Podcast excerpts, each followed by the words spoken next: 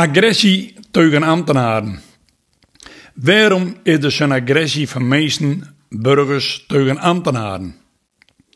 Als ik de verhalen loven mag en ik hoor het echt uit betrouwbare bron, dus ik geloof het, dan is het elke week weer raak.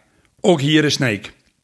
Staat er weer eens in de hal van het Zuidwesthuis te skellen en te rachen op een metwerker van burgerzaken.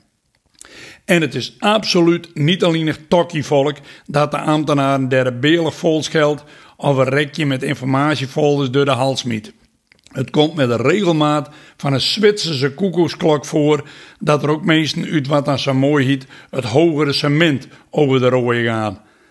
Dat gebeurt dan meestal met stemverheffing. En meesten die razen hebben over het algemeen niet gelijk, gaan daar maar vanuit. Alles moet op stel en sprong. Of anders, nou ja, vul maar in. Waarom dus is er Nederland zijn agressie tegenover ambtenaars?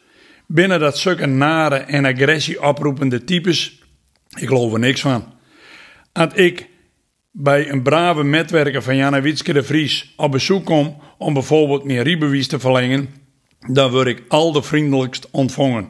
Kan niet anders zeggen.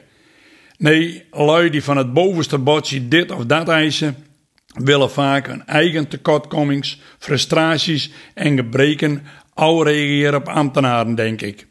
Schimber een heerlijke bezigheid. Het galbakje me toch leeg en dan maar aan het publieksbalie. Ik zou volkomen ongeschikt wezen om ambtenaar bij de publieksbalie te wezen. Als er zijn aasel mij begon te schellen, dan schold ik tien keer haar terug blaf als een Duitse herder, krijgt zo lang tot zijn grootbek met de stut tussen de benen van de Sneke Markstraat verdwijnen su.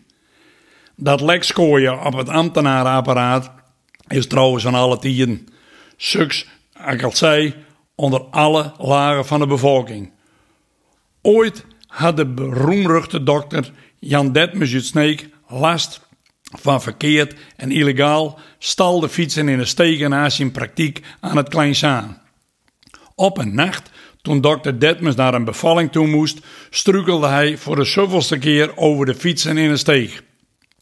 Hij deed hem behoorlijk zeer, ging de dokterspraktijk weer in en belde om kwart over drie in de nacht de hoogste ambtenaar van de stad, burgemeester Rudolf Rasterhoff, uit bed. Zeg Rudolf, hier met Jan Detmers. Als je nu niet ogenblikkelijk voor zorgt dat er hier een verkeersbod met verboden om fietsen te plaatsen komt, dan ben ik morgen vroeg nog bij je. Nog voor de burgemeester maar antwoorden kon, had Jan Detmus de bakkelieten telefoonhaak daar weer opklapt en ging onderweg naar de bevalling.